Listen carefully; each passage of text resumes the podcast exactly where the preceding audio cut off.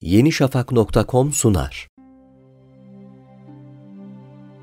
Hristiyanlık inancına mensup kişiler için kutsal bir mekan olarak görülen Ayasofya, İstanbul'un fethiyle Müslümanlar için de büyük bir öneme sahip oldu. Yüzyıllarca benzeri yapılamayan Ayasofya, kentin en önemli camisi olarak fethin sembolüydü. O vakte kadar yeryüzünün en büyük, en parlak ve en şöhretli mabediydi. Ayasofya'nın günümüze kadar muhafaza edilmesindeki en büyük etken, Osmanlı Devleti'nin bu mabede vermiş olduğu değerdir. Osmanlı hükümdarları Ayasofya'nın bakımına ve cami olarak zenginleşmesine bizzat itina gösterdi. Peki Ayasofya'nın günümüze kadar korunarak gelmesini sağlayan Osmanlı padişahları bu görkemli yapıyı nasıl şekillendirdi?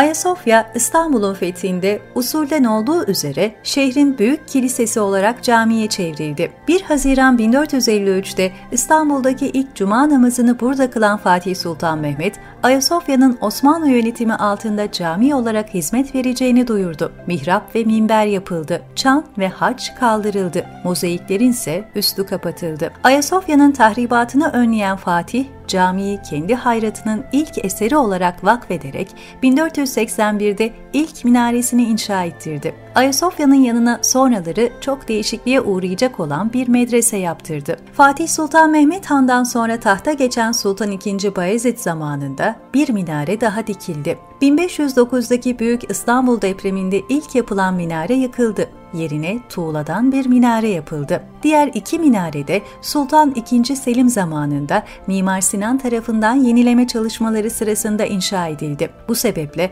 Ayasofya'nın farklı zamanlarda yapılan dört minaresi bulunmakta. Kanuni Sultan Süleyman devrinde bu dinin fethi üzerine oradaki baş kiliseden alınan tunç şamdanlar üzerine manzum birer kitabe yazılarak 1526'da Ayasofya'da mihrabın iki yanına yerleştirildi. Osmanlı sultanlarından 2. Selim de Ayasofya'ya büyük ilgi gösterdi. Bizans döneminde yapının giriş holünde mermer levhalar üzerine işlenerek duvara yapıştırılmış bulunan 1166 tarihli uzun imparatorluk kararnamesini tercüme ettirdi. Sonra bunları kaldırtarak babası Kanuni Sultan Süleyman Han'ın türbesinin saçağında tersine çevrilmiş olarak kullanılmasını uygun gördü. Sultan II. Selim zamanında Ayasofya'nın etrafını saran ve yapıya zarar veren ev evlerden ayıklanması uygun görülerek gerekli istimlaklar yapıldı. Hassa baş mimarı Koca Sinan tarafından destek payandaları inşa olunarak binanın çökmesi de önlendi. Bu vesileyle bir de minare yapıldı ki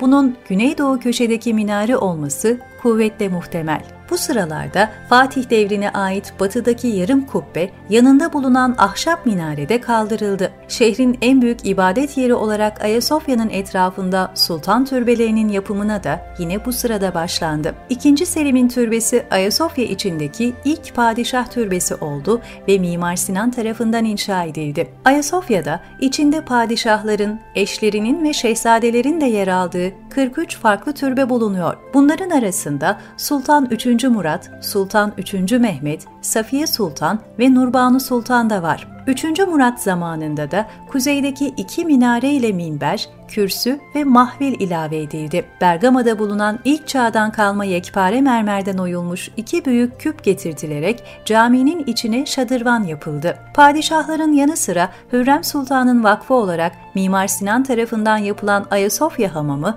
1. Mahmud'un yaptırdığı imaret, kütüphane, harikulade güzellikteki şadırvan, aşhane imareti, hazine binası, Sıbyan Mektebi ile Bab-ı Hümayun'a açılan imaret kapısı Osmanlı'nın Ayasofya'ya en değerli katkıları oldu. Bunların kitabeleri de Kızlar Ağası Beşir Ağa tarafından yazıldı. 1739'da camiye medrese, kütüphane ve aşevi de eklendi. 1847-1849 arasında yenilenme çalışmaları sırasında kapalı kalan Ayasofya cami olarak son kez 1849'da açıldı. Yüzyıllarca benzeri yapılamayan Ayasofya, kentin en önemli camisi olarak fethin sembolü oldu. O vakte kadar yeryüzünün en büyük, en parlak, en şöhretli mabediydi. Fatih istese adını Fethiye Cami yapabilirdi. Ancak insanlık mirasına duyulan Osmanlı saygısı gereği ne caminin adı ne de ana yapısı değiştirilmedi. Ayasofya günümüze kadar muhafaza edilmişse bunda en büyük etken Osmanlı'nın cami olarak verdiği değer. Ayasofya eğer cami olarak kullanılmasaydı günümüze kadar son haliyle gelemeyebilirdi. Osmanlı hükümdarları Ayasofya'nın bakımına ve cami olarak zenginleşmesine bizzat itina gösterdi. Hükümdarların çoğu cuma namazlarını ve teravihleri bu camide kılardı. yenişafak.com sundu.